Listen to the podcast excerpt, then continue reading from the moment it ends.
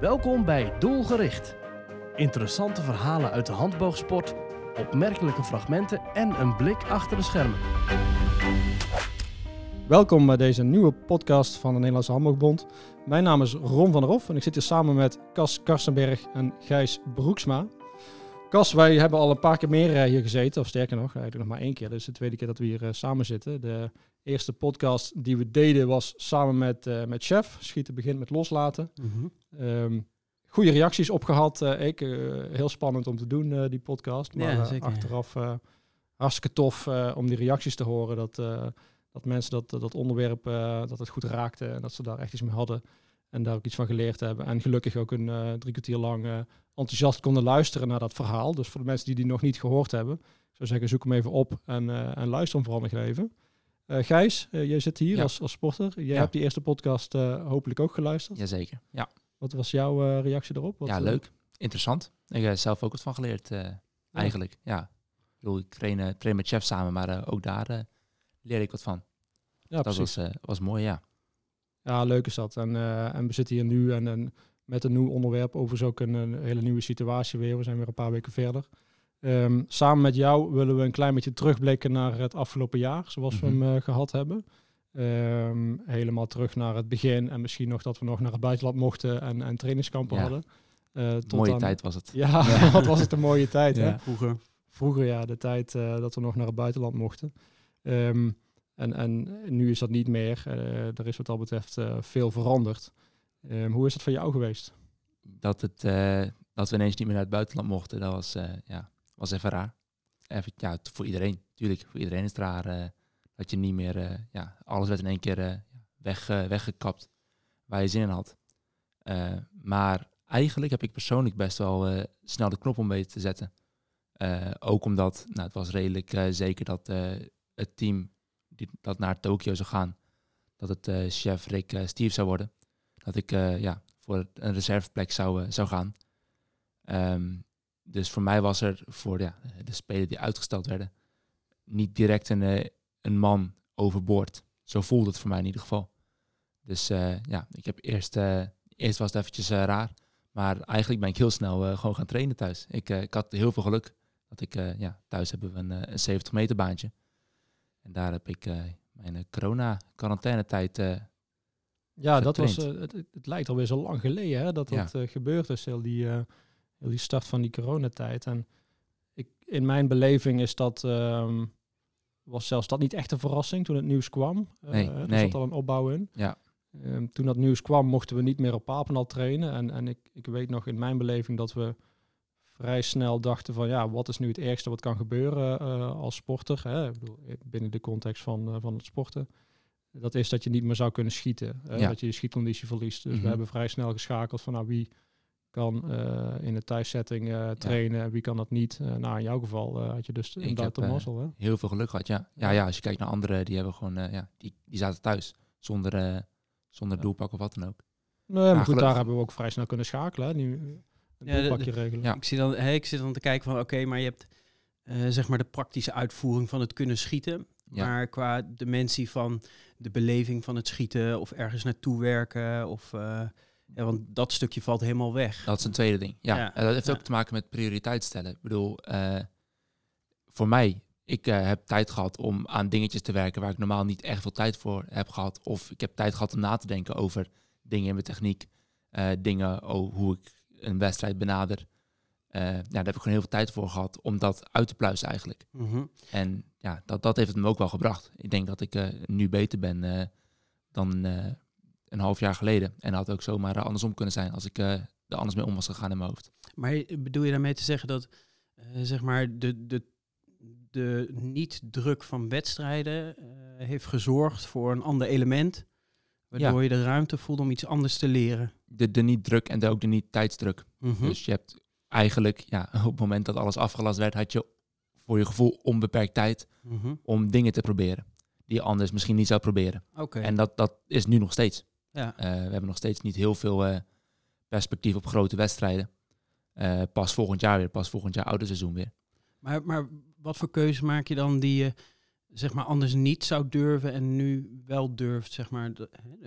Ik begrijp dat dan niet, want dan denk ik van oké, Ehm, maar wat laat je dan eh, of durf je niet als je wedstrijden hebt bij wijze van spreken en waarom? Een probleem, bijvoorbeeld mijn, eh, ja, een heel eh, actueel voorbeeld is mijn, mijn pols. Die heeft altijd een beetje in een rare hoek gestaan. En dat heb ik in het verleden tussen wedstrijden door en in, in een seizoen proberen op te lossen. Maar dat heeft nooit echt, ja, dat heeft nooit echt voet en wal gekregen. Dat lukte nooit echt goed. Die bleef altijd een beetje raar erbij staan. En ehm, nou, nu heb ik de ruimte gevonden eigenlijk om dat, dat aan te passen. Dat gaat dan achteraf blijk, denk je van ja, dat had ik ook wel eerder kunnen doen. Mhm. Maar ja, blijkbaar uh, lukte dat toen niet, uh, niet zo makkelijk. Maar dat is dan een fysieke, mentale strakheid die je ervaart als er druk op staat. Dan voel je niet de ruimte om dat soort dingen uit te proberen. Ja, ja je bent constant bezig met, nou, dan, volgen, dan moeten we weer, uh, ja, weer goed voorstaan. Mm -hmm. En dat, dat, dat, dat beïnvloedt zo'n keuze wel of je iets gaat aanpassen of niet. Ja, ja. En er zijn ook andere dingen in mijn techniek geweest natuurlijk die ik, die ik aan wil passen. En ook approach van een, van een wedstrijd. Ja, er is, al, er is altijd een bepaalde balans hè, die je hebt binnen de training en, uh, en, en het wedstrijdseizoen vooral. Hè. Dus je ja. pro probeert altijd sporters te motiveren om zo vroeg mogelijk in het winterseizoen allerlei aanpassingen te maken. Maar dan ja. zitten wij in een sport waarin je normaal in de winter toch ook alweer het volgende belangrijke wedstrijdje hebt tussen haakjes. Hè. En dan is het voor een, uh, voor een sporter altijd zo'n afweging van ja, ga ik dat dan doen? Hè? Dan, dan val ik weer terug in, in, in een lager niveau. En uh, ja, dat vind ik dan weer vervelend. En ik wil toch daar weer uh, goed voor de dag komen. En dan krijg je toch een beetje van die, ja, noem maar even halfbakken -hmm. technische veranderingen. Die niet echt 100% doorgezet worden. Ja. Um, en dat is in deze fase natuurlijk wel zo geweest dat dat kon. Ik, ik wil wel nog heel even terug, want jij, uh, Cas, jij gaat op een gegeven moment naar het punt dat, dat alles is afgelast. Maar dat was het in het begin nog niet, hè? Mm -hmm. nee, uh, helemaal in het begin ja. waren alleen... Hè, je, je gaf straks toen we even aan het voorbespreken waren, gaf je aan van ja, ik vond het allerergste dat het, uh, dat het trainingskamp, trainingskamp ja. wat wij standaard in maart, eind maart doen in Turkije afgelast was. Want daar keek je zo naar uit, hè, om daar even lekker te kunnen trainen is, en lekker de sauna in te kunnen. ja, dat is vreselijk relaxed daar in, en heel, heel productief altijd. Dus dat is, ja, daar keek ik echt naar uit. Dat was ook ja, een paar weken na we terugkwamen uit uh, een heel goede tijd in Zuid-Afrika. Met uh, jou er ook bij, Cas. Mm -hmm.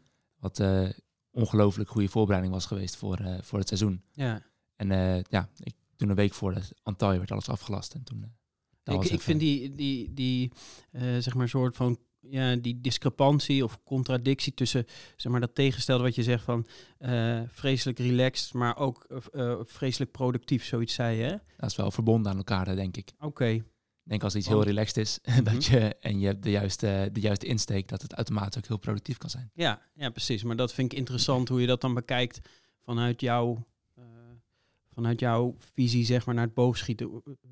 Want dan bedoel je niet letterlijk het hoe, de hoeveelheid pijlen, maar doordat je relaxed bent, sta je dan ja. open om meer ja. te leren? Of ja, de, de, productiviteit zit natuurlijk in een uh, samenhang van uh, hoe gefocust je bent op per pijl mm -hmm. uh, en aan hoeveel pijlen je kunt schieten. Mhm. Dus als je een hele dag de tijd hebt en je kan heel gefocust een goed aantal pijlen schieten, ja, dan heb je het meeste rendement eigenlijk per pijl. Dan kan je eigenlijk iets leren van elke pijl. Mhm. En als je dan daarna direct naar bed moet en de volgende dag om acht uur sta je er weer. En zo je hele week doorwerkt. Mhm. Of dat je daarna gewoon even de tijd hebt om nou, in een al best wel zonnig Turkije even kan ontspannen met je teamgenoten. Waar je ook buiten het schieten even kan praten met je teamgenoten. Mm -hmm.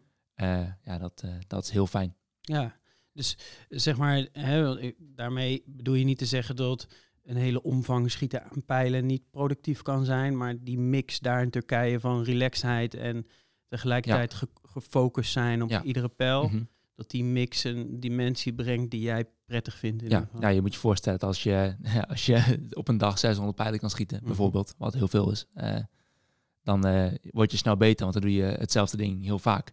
Maar als je 600 keer ja, niet gefocust bent, dan heeft het eigenlijk ook geen zin. Ja. En als je ja, in Antalya op een trainingskamp bent, of gewoon waar op de wereld ook, uh, op een trainingskamp bent en je hebt de hele dag de tijd, en je, ja, je kan heel veel aandacht per pijl erin stoppen. En je kan daarnaast lekker je ding doen. Dat is, uh, ja, dat is gewoon altijd top. En je bent de hele dag met boogschieten bezig, wat natuurlijk uh, fantastisch is. En, zeg maar, kijk je daar dan ook zo tegenaan nu in deze coronatijd, zeg maar, als je die, de, ja, waar je het over hebt in Turkije. Nou, ik weet niet of je thuis een sauna hebt. Wel, wel nee. schapen, heb ik nee. begrepen. Ja, schapen, ja. En een zwembad ook sinds de coronatijd. Oké, okay, oké. Okay. Mm -hmm. Dat brengt ook een dimensie mee. Nou, ja, dat is ook fijn. Ja. nou ja, het is wel grappig om te weten als je tussen de schapen staat te schieten, of dat iets anders brengt dan hier op Papendal. Ja, absoluut. Ja. Oké, pardon. Ja, dat, eh, dat brengt een heel andere, eh, Gemekker met zich mee. heel ander gemekken met zich mee. het brengt, het brengt een overal bepaalde rust. Ja, Ja. Het, het is wel raar, want op Papendal train je altijd met eh, de andere jongens. En je bent altijd, ja, je raakt altijd afgeleid door dingetjes, want iedereen praat. En dat is prima, dat is goed, daar, daar leer je van schieten. En als je thuis bent, ja, in, in Drenthe, waar, ik, waar mijn ouders wonen, waar ik dan de coronatijd heb doorbracht, dan eh, sta je tussen de schapen waar het eh, helemaal stil is. En dan raak je niet afgeleid door wat dan ook. En dan raak je ook automatisch wat relaxter. Dus je gaat ja, op Papendal, als je, even, eh, als je een keer niet goed schiet, toch een beetje vervelend voor jezelf. Want je wil wel graag lekker meekomen met het team. En je wil Ja. wel graag lekker schieten. Ja. En thuis, ja, dan is dat toch, toch iets relaxter. En die, die schapen die zijn minder gefocust op jou. die, die schapen die maakt het allemaal niet uit, joh. Ik, denk, ik denk dat het wel belangrijk is om een, om een bepaalde balans te vinden. Hè, wat je normaal in een normaal seizoen hebt. Dat je blokken hebt van trainen en blokken hebt van, van ontspanning. Wat vaak op een trainingskamp wel kan. Hè, ondanks dat je best veel eh, pijlen schiet en veel van Ja. tijd daarin kwijt bent. Heb je ook veel tijd voor ontspanning. Ja. Maar heb je ook die wedstrijd nodig om die spanning er weer op te hebben. Om daar weer een stap te maken in de ontwikkeling. En dat is wel iets wat we nu eh, minder hebben. Hè. Je kunt Ja. wel zeggen van nou, ik schiet heel relaxed eh, tussen de schaapjes. En ik snap hem, want ik heb zelf Ja. ook een hartstikke mooi baantje achter het huis. Ehm, maar daar op een gegeven moment, daar ontwikkel je eh, je niet meer. Is hè. het je hebt een bepaalde verandering nodig in de, in de omgeving. En die kun je natuurlijk wel vinden op Papendal. En dan hebben we ook nog, nou, niet het geluk, want het is ook, ook zo ontstaan door, door de goede training natuurlijk. Maar we hebben een hele goede groep Ja. van hele goede, goede schutters, waar je natuurlijk wel aan optrekt. Al is het maar ehm, dat je het normaal vindt dat dat niveau geschoten wordt Ja. hè, om je heen. ja, ja. Ja. Ja, dus, eh, want het, zijn er eigenlijk twee dingen dan toch? Dat je op Papendal heb je, als ik jou goed hoor, Ron, heb je schutters waar je aan kunt optrekken omdat je een hoog gemiddelde ziet bij eh, een medespeler, zeg maar, een teamgenoot. En ik zit tegelijkertijd te denken, hè, even zonder lolletje om ook op die schapen terug te komen. Die schapen, hè, ik, ik, ehm, ik noem het maar even extern gericht zijn. Hè? Extern gericht van je bent aan het schieten, maar tegelijkertijd hoor je de schapen. Of tegelijkertijd hou je er ook rekening mee dat je teamgenoten meekrijgen wat jij daar aan het schieten bent, zeg maar. Ehm, volg je me dan als ik dat zo zeg? Niet helemaal. Oké. Eh, dus als jij tussen de schapen staat te schieten, ehm, weet je dat een schaap geen mening heeft in dit geval. Dat weet je niet. Je spreekt het niet uit. Misschien hebben ze wel een mening. Ja, maar buiten dat stukje van je teamgenoten weet je dat wel. Ja, ja absoluut. En, ja, dus dat, Nou. dat geeft een andere dimensie, Of, of lijkt dat, mij. dat interpreteer je ook, dat, dat denk je. Ik bedoel, Ja, dat zou ook om even, ik eh, oordeel niet al te veel naar eh, mijn teamgenoten, dus dat zal ook niet, eh, niet terugkomen. Nee. En zo is de sfeer ook helemaal niet. Nee, nou, oordeel in die zin van, hè, je krijgt het van elkaar mee. Hè, dus, zonder per se een negatieve lading, dat hoor ik nou aan jou. Hè, Ja. van, er zit geen negatieve lading met oordeel, maar Mhm. meer van, je krijgt het wel Ja, mee, wel ja, je- ander, hoe die zich voelt. Of, eh, je wil natuurlijk ook wel laten zien wat je kan. ja, Eh, ja, Ja. Dat, eh, dat speelt zeker mee. en dat heb je niet met schapen. Nee, nee, nee, niet echt. Maar, Ehm, de- maar dat kan dus ruimte geven, begrijp ik, van Ja. jou, om meer jezelf te voelen of met jezelf bezig te zijn. Ja. Waardoor je de ruimte hebt om iets anders te ontwikkelen dan dat je een soort van, dat noem ik dan maar even, de externe druk van je teamgenoten ervaart of meekrijgt, min of meer. Ja, ja, ja het, het geeft eh, bepaalde rust.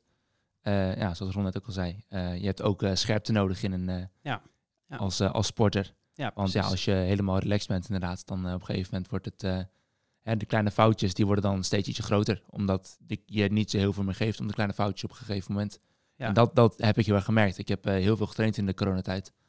En eh, op een gegeven moment werd het gewoon rommeliger. ja, eh, ja, precies. En dat is ook ja, weer... Gevaar van corona in dit geval dan. Of, ja, dat heeft druk. ook te maken met hoe ik dan daar sta te trainen. Als ik zoveel zou trainen naast iemand anders, dan zou het ja, minder snel zou je afzakken.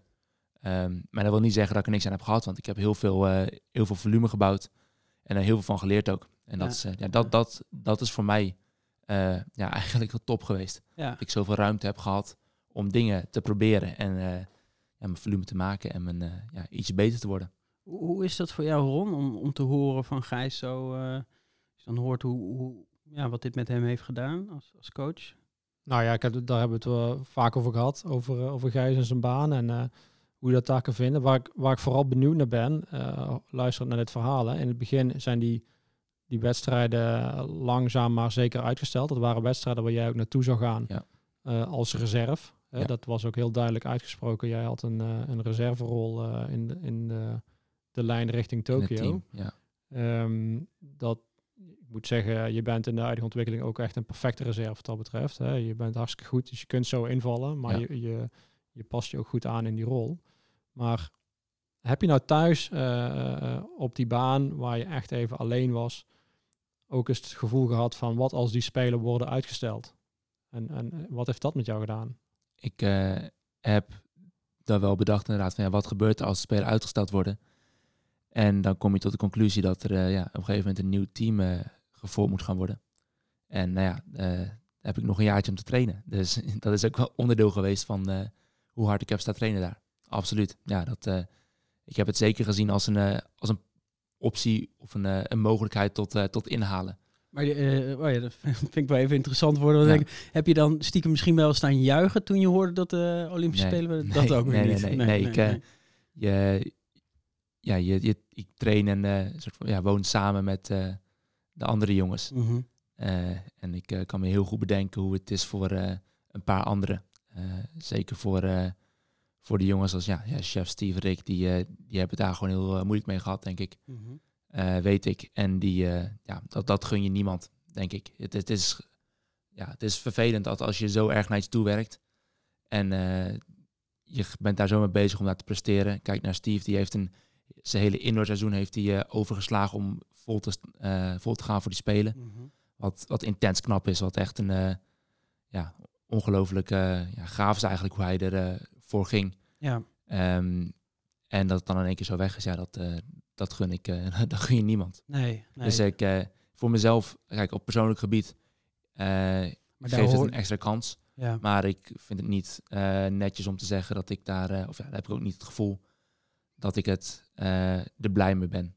Nee, oké. Ja, ik hoor wat je zegt. Maar de, ik, wat ik wel mooi vind om te horen tegelijkertijd, pardon, is dat er ook wel eh, een bepaalde loyaliteit in jou zit. Hè? Je wil daarin, eh, ja, het klinkt, ja, het klinkt heel loyaal Ja. wat je zo zegt. Nou ja, Ja. En, en daarbij komt dat eh 2020 was een jaar waarin eh, hè, de voorbereidingen voor de Spelen getroffen werden. Dus Mhm. eh, de, het, het hoofdteam, dus eh, chef Rick en Steve, die eh, zouden naar de wedstrijden gaan. En ik zou er samen met Jan eh, als reserves eh, gaan dienen.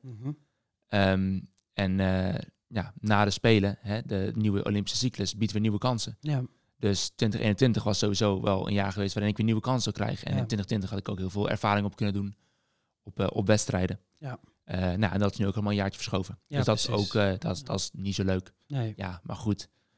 ik ben wel weer een jaartje, jaartje hard getraind, een jaartje beter geworden. Ja. Dus wat dat betreft, ja, het, het, het, is, het is dubbel. Ja. Dat is wat het is. Er is geen, er is geen Ja. blij of eh, Nee, boos. dat denk ik ook niet. En als ik heel even kijk naar het moment dat we te horen kregen dat die spelen werden uitgesteld, dat sloeg niet in als een bom. Nee, nee, dat Ja, zag je aankomen. Dat zagen we echt eh, lang, lang aankomen. Mhm. dat, Ja. dat, dat, dat het onhoudbaar was, alleen al vanwege de publieke opinie, zeg maar. Ja, En ik geloof ja ook niet, absoluut. ik geloof niet dat er iemand bij ons was eh, vanuit de staf of sporters die, ze, die zoiets had van, ja, dat kunnen ze echt niet maken, die moeten doorgaan. Nee, nee. Dat, dat was gewoon zo. Dat, dat is echt helemaal niet echt een probleem geweest. En natuurlijk hopen we allemaal dat het inderdaad uitstel is en geen afstel. Eh, daar heb ik op zich wel alle vertrouwen in. Maar is dat ook niet iets wat jullie misschien als topsporters gewoon goed kunnen? Eh, omgaan met veranderende omstandigheden in dit geval. Nou ja, sommige beter dan anderen. Ja, absoluut. Ehm, ja. Maar ja, dat is wel iets waar je natuurlijk ook mee leert omgaan. Ja. Eh, wedstrijden gaan zoals ze gaan. En op het moment dat je bij wijze van spreken een wedstrijd aan het schieten bent en je zit in die week en je, en je gaat halverwege die week eruit, dan is dat wel flink schakelen, ja. Want als je dus eh, tot en met, eh, en gelukkig gebeurt het bij ons vaak, maar tot en met de top 4 doorgaat, dan heb je dus tot en met zondag, zit je er middenin. Heb Ja. je iedere dag je schema, en iedere dag weet je van ik moet dat gaan doen, ik heb eh, dan de trainingstijd en dan moet ik naar die wedstrijd toe.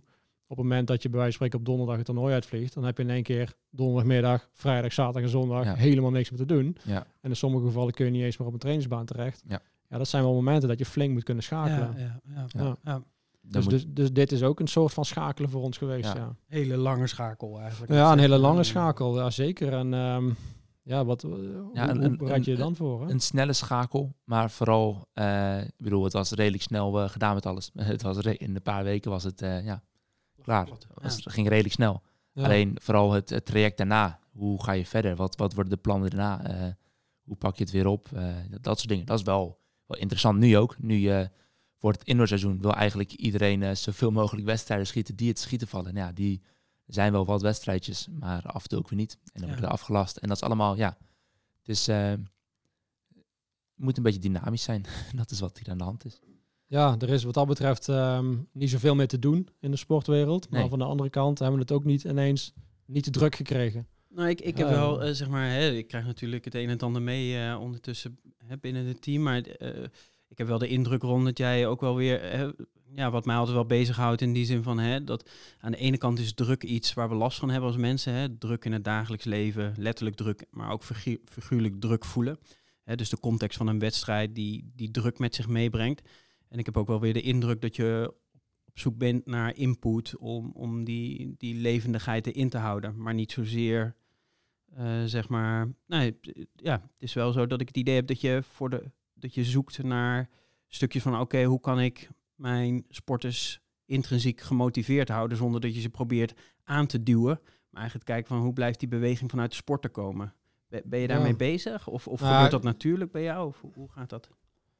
Ja, ik weet niet of het natuurlijk is. Uiteindelijk hebben we natuurlijk een staf waar we heel vaak mee overleggen. En Mhm. daar hoor jij ook eh, bij. Ehm, ik weet, het begin van die tijd eh, dat het corona net begon, waren we echt wel heel druk met überhaupt snappen wat er allemaal aan de hand was. Wat er allemaal kon en wat allemaal niet kon. Maar op een gegeven moment eh, zijn we wel in een fase terechtgekomen dat iedereen het gewoon prima geaccepteerd had dat het was zoals het was. Ja, en dan ga je wel op zoek naar van wat kunnen we dan nu nog doen in deze tijd. Hè? Ehm, een van de eerste acties die we toen hebben gedaan is eh, mede door de ervaring die we hadden in het trainingskamp in Zuid-Afrika, wat, wat heel goed bevallen was. Mogelijk dat we daar zo meteen, zo meteen nog even op, dieper op in kunnen gaan, want dat was natuurlijk nog voordat Ja. corona kwam. Ja. Ehm, maar dat is dat ik een, eh, een, een activiteit, en dat is eigenlijk een nachtelijke activiteit geweest, eh, die ik ook samen met jou eh, heb, heb doorontwikkeld, eh Cas, eh, die we eigenlijk naar voren hebben gehaald. We wilden eh, jou als haptonoom juist gaan inzetten op de ploeg eh, richting Tokio. Afhankelijk zou dat eh, echt alleen maar zijn voor degenen die zouden gaan. Hè? Ja. Zo hadden we dat plannetje bedacht. Ehm, die groep die moest eh, echter bij elkaar komen om echt als een team te gaan fungeren in, in Tokio. Nou, toen kwam het hele gebeuren hè, waardoor we die wedstrijd allemaal niet meer hadden. Ja. Toen kwam het plannetje, nou, dan gaan we er wat mensen op, op aanhaken. Dat waren dan in dit geval ook, ook Gijs en Jan in het begin ook. Ehm, en daarna kwam er nog meer tijd. Dus we kregen eigenlijk steeds meer tijd om allerlei dingen te gaan ontwikkelen. En toen kwam die, die activiteiten die we dan door de nacht heen wilden gaan doen. ehm, waarin we het principe eh, zouden kunnen testen van hoe kunnen we de cortex uitschakelen. en om te kijken of, ze, of sporters daardoor beter, eh, beter zouden eh, gaan schieten. Of Ja. beter zouden functioneren binnen de, binnen de sport zelf. Ik Ja. zal de, de nachtelijke activiteit even schetsen voor de luisteraars. het, eh, het begon eh, allemaal op een eh, rustige donderdagochtend. Waar we nou, sowieso een, eh, we hebben een schema, een trainingsplan waar we best wel eh, zware trainingen kregen. Wat eh, prima was. En s s'avonds was er wel een, een planning dat we met de kas een activiteit zouden doen. Of van 8 tot 10. eh, waarbij we onze zwembroek mee moesten nemen. En vervolgens moesten we ja, daar om 8 uur zijn. Kregen we een kaartje en moesten we naar het station lopen. Nou, en daar zagen we eigenlijk de bui al hangen. En nou, het- ja, eh, uiteindelijk hebben we een nacht eh, gelopen, gefietst op een tandem. Hebben s ochtends vroeg bij Ron op het, eh, het baantje ge- geschoten in, in Limburg. Nou, en wij waren in, in Arnhem origineel. Dus dat was best een, best een tocht. Ehm, ja, en toen kwamen we weer aan op, op Papendal 's ochtends. naar terug te steppen. En ja, toen gingen we een wedstrijdje schieten. En als, eh, ik zit even terug te schakelen. Je begon zo van, hè, die, die avond, jullie werden eigenlijk min of meer door Ron eh, betrokken van, oké, dit en dit gaan we doen en eh, neem ook je zwembroek mee. Ja, ja, ja. En die zwembroek was dan met het idee dat we nog misschien een mentale oefening in de sauna zouden Ja. gaan doen. Klopt. maar uiteindelijk werden jullie dus bij de vrachtwagen betrokken in een nieuwe opdracht. En, Ja. Want eigenlijk, eh, ik ben met jullie mee geweest die nacht eh, dat ik eh, alles mocht meedraaien. Alleen mijn voordeel was natuurlijk dat ik het hele programma kende. Dus Jij ook wist wist, dat, eh, Ja. dat jullie in ieder geval tot de ochtend door moesten. Maar ik kreeg geregeld de vraag, goh, gaan we eigenlijk überhaupt onze hotelkamer nog Ja, zien? Of, We waren hotelkamers geboekt. Ja. ja, gaan we nog slapen? Dat was de, we de we hadden ook wel kaartjes van de hotelkamer. Ja, ja, we hadden met die waren er echt, ja. Dat zat natuurlijk in het complot, dus we hadden wel, eh, ja, we hadden inderdaad eh, kamersleutels om het zo te zeggen, Ja. Dus dat was allemaal geregeld. Kamersleutels, hè? Ja, Ja. maar dat ging, eh, dat ging lang duren, ja. En eh, uiteindelijk zijn we daar nog eh, naar een club geweest, hè, en eh, Naar een boogschietclub, ja. voor de Om, duidelijkheid. om daar nog even, ja zeker, om daar nog wat te schieten. Dus we hadden wedstrijdjes eh, tussendoor verzonnen met, Ja. het, met het team. Hè? het Dus team, ja. De, in, voor de heren waren dat chef Steve en Rick die Ja. eh, mochten met elkaar eh, schieten. En jullie mochten als andere jongens, eh, Jona, Ja. Damien en jij, eh, het, hen het vuur aan de schenen leggen. Dus eh, dat, was, eh, dat was wel een aardige competitie. Maar eigenlijk alleen maar om dat moment weer even scherp te maken. En vervolgens weer door naar het volgende punt. Nou, dat, dat duurt inderdaad best wel lang. En het, ja, het makkelijkste om eh, de cortex uit te schakelen is eh, of voedsel of ehm, slaapdeprivatie. Nou, daar hebben we voor het laatste gekozen. Ja, dus hele nacht doortrekken, dan slaap je dus niet. Eh, en ehm, eh, kijk, ik, ik heb, ben niet zo ver gegaan om te zeggen van ze mogen niet eten, ze mogen niet drinken. Dat We hadden prima ontbijt bij jou. vond ik een beetje tevreden. ja. Ehm, en uiteindelijk denk ik wel dat, hè, zeker toen jullie vanuit het laatste punt eigenlijk terug bewogen eh, met hulp van een treinritje richting het noorden Papendal, hebben jullie ook nog een paar vragen beantwoord over elkaar. ja, ook nog. Ja, Die vrij eh, eerlijk. eerlijk beantwoord werden, omdat je simpelweg helemaal niet meer zo eh, aan het nadenken bent, maar meer eh, aan het doen bent. Ja, meer primair Ja. gaat reageren eigenlijk. Ja. ja. Dat was een hele mooie actie. eh. Ja, ja. En, en, en Gijs, hè, want je hebt dan zeg maar die, die nachtelijke activiteit gehad, eh, waar Ron het net al even over had, Afrika. Ja. Toevallig weet ik ook nog dat je afgelopen weekend eh, een marine experience hebt gehad. Dat is Ja. weer een andere vorm van, ja, wat, laten we zeggen, fysiek-mentale uitdaging. Volgens mij zit je er nog steeds een beetje houterig bij. Beetje, beetje scheef bij. Ja, dat is ook een mooi voorbeeld van. eh, daar is de ruimte nu voor met, die, eh, met de hele coro- coronacrisis. Want dit was, deze Marine Experience was zo heftig dat ik, die had ik niet zomaar in een seizoen gedaan. Nee, nee. Dat was niet goed gekomen natuurlijk. Maar dat is Eh, wel een intrinsiek, zeg maar, jij dacht van, ah, dat lijkt me wel mooi om ook nog een keer te ervaren of te doen of zo. Of hoe, is dat ontstaan? Ron dacht volgens mij, het is een mooie schijs dat een keer ervaart. Oké. Eh, dat is een, eh, ja, ook weer voor de luisteraars, Ja. Marine Experience is een, eh, ja, een 12 uurse activiteit waarbij je door drie eh, eh, mensen uit het leger eh, begeleid wordt en die eh, gaan jou vertellen wat je moet doen. En als je het niet doet, dan, eh, en als je het eh, niet doet of niet goed doet, dan eh, moet je iets meer oefeningen doen. Eigenlijk zoals Ron normaal de trainingen ook geeft. Zeker. Absoluut. Ja, ja, dat zal. Het compleet tegenovergestelde van hoe Ron normale trainingen geeft. Nou ja, maar dit is wel zo'n voorbeeld van, van waar je straks naartoe ging. Hè? Van wat, wat, wat probeer je dan te vinden eh, waar je bepaalde sporters nog mee kan prikkelen. Mhm. Ehm, en met Gijs, eh, nou ja, noem Gijs even de kroonprins eh, om in te vallen in het nieuwe team eh, na de Spelen. Hè? Want eh, er is nog steeds geen signaal dat, eh, dat Rick, Steve en Chef als herenteam het niet zouden halen. Hè? Dat is nog wel een groot niveauverschil. Ja. Ehm, maar is het wel aan Gijs om, eh, om zich te ontwikkelen. En, ehm, en wat dat betreft was dit een hele mooie activiteit om Gijs eens te dwingen om misschien verder te gaan dan hij denkt dat hij kan. Hè? Om, eh, om, om, om te kijken hoe kan ik samenwerken onder druk. Ehm, hoe, hoe kan ik, wat voel ik in mezelf als ik eh, omga met, eh, met druk. Ehm, en, En- en eventueel leiderschapsrollen ook nog eh, op zich kunnen nemen. En eh, wat, wat is het resultaat van afgelopen weekend? En, eh, Tering, veel spierpijn. Heel veel spierpijn. Ja, nee. eh, ehm, Conclusie. conclusie, nee.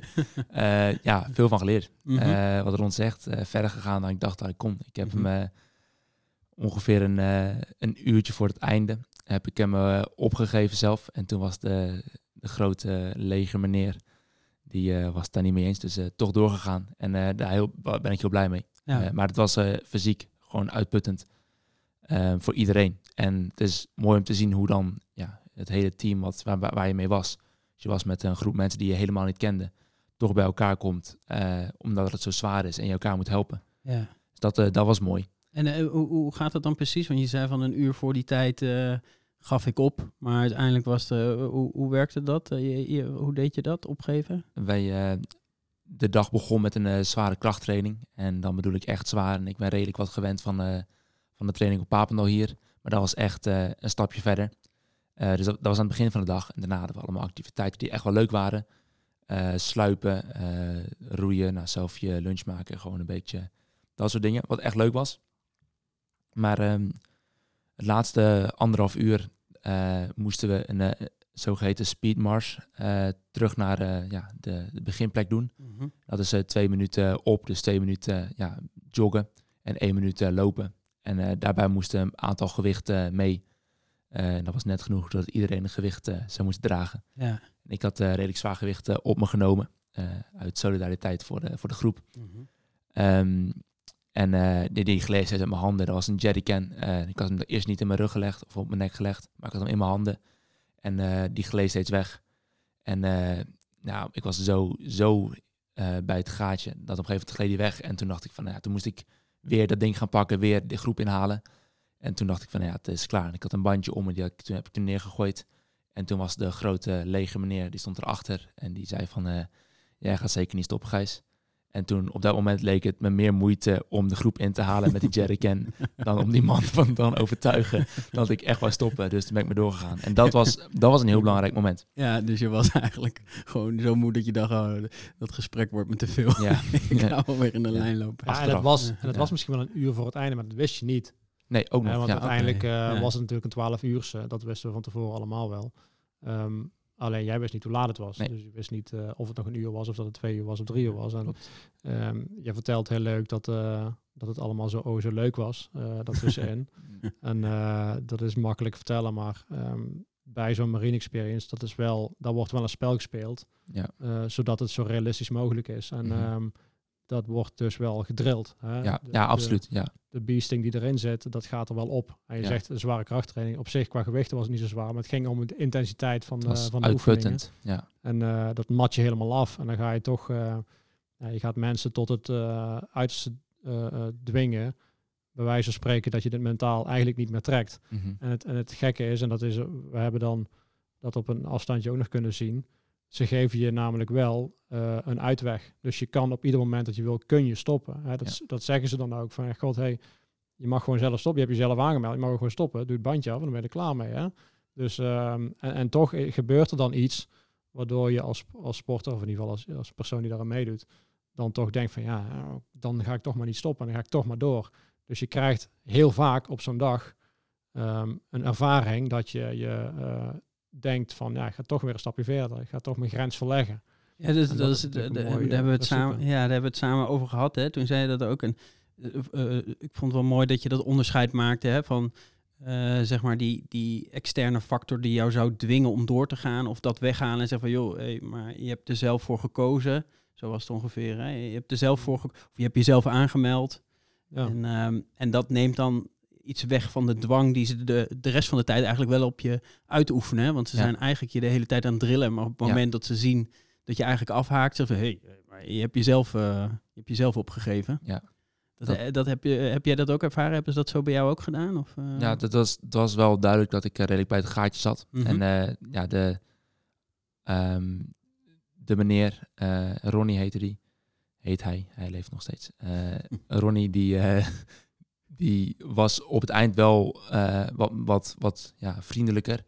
Eh, dus die sprak me op dat moment eigenlijk ook wel meer moed in. Dus die, ja. zeg maar, hij zei van, jij gaat zeker door, maar ja, jij gaat zeker door.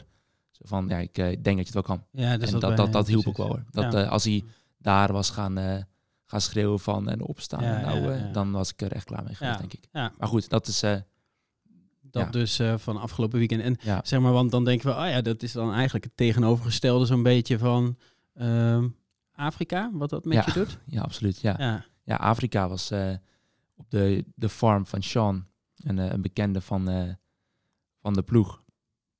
En die heeft in Zuid-Afrika een, eh, een farm, een groot stuk land met een, een hutje erop. Heel primitief. En eh, ja, daar is in een omtrek van een paar kilometer is gewoon niet zoveel. Daar, Nee. daar kan je de melkweg s'avonds zien. Je hoort geen geluid. Of je hoort wel geluid, maar niet van de stad of wat dan ook, wat we hier in Nederland kennen. En dat is, ja, dat was ongelooflijk relaxed. Ja. dat was Ja, heel dat- erg fijn. Ik vind het ook wel mooi eh, om toch nog heel even terug te gaan naar Zuid-Afrika, inderdaad. Want dat zat nog in onze ideale voorbereiding eigenlijk.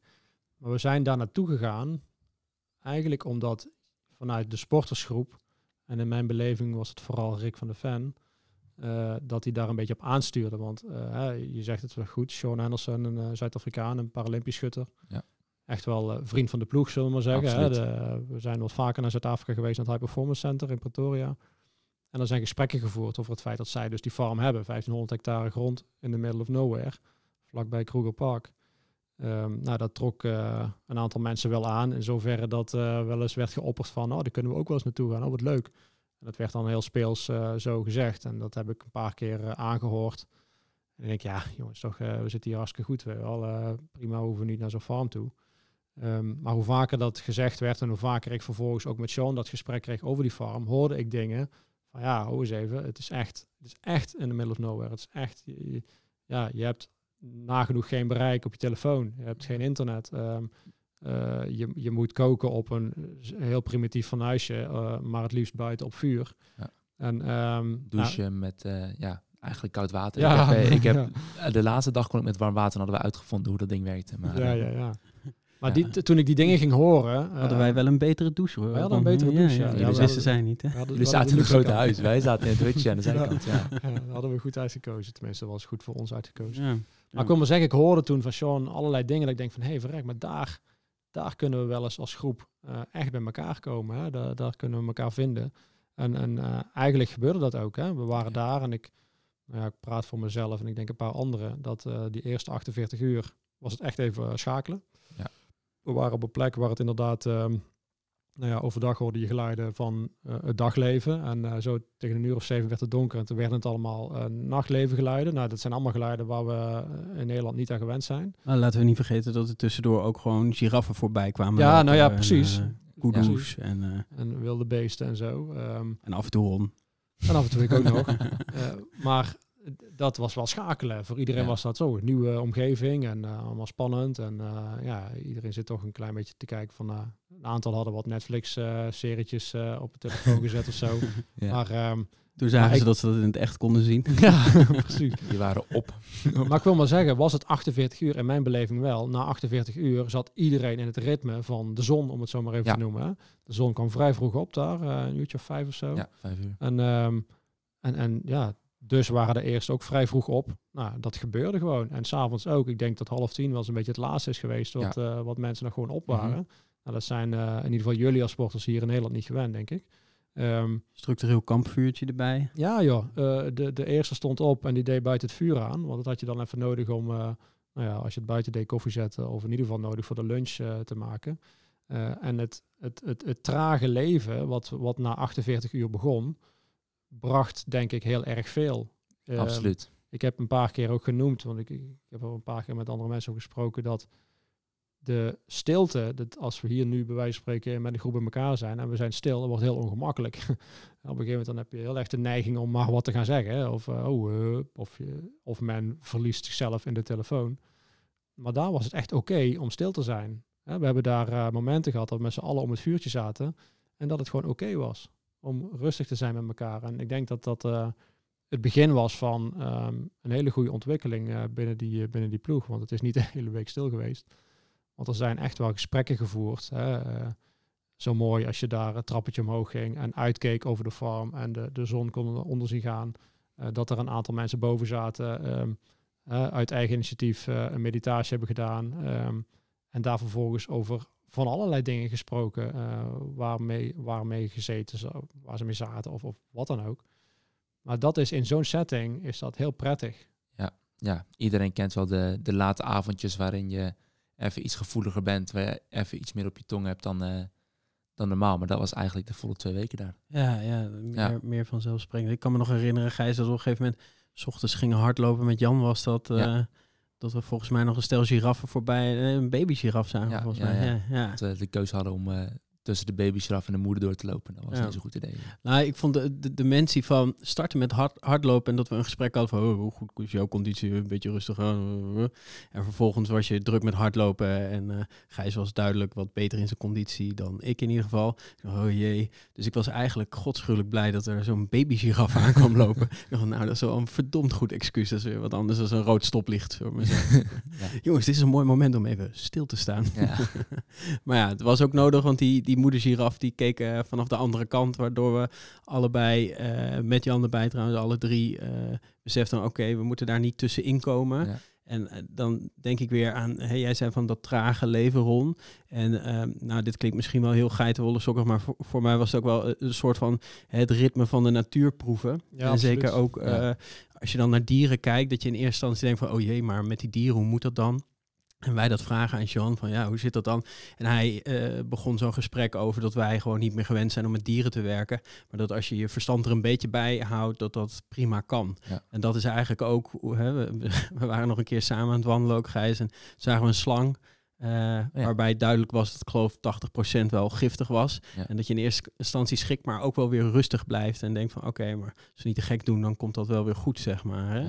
En dat, die dynamiek ook bij, bij die giraffe is toch wel gaaf om te ervaren.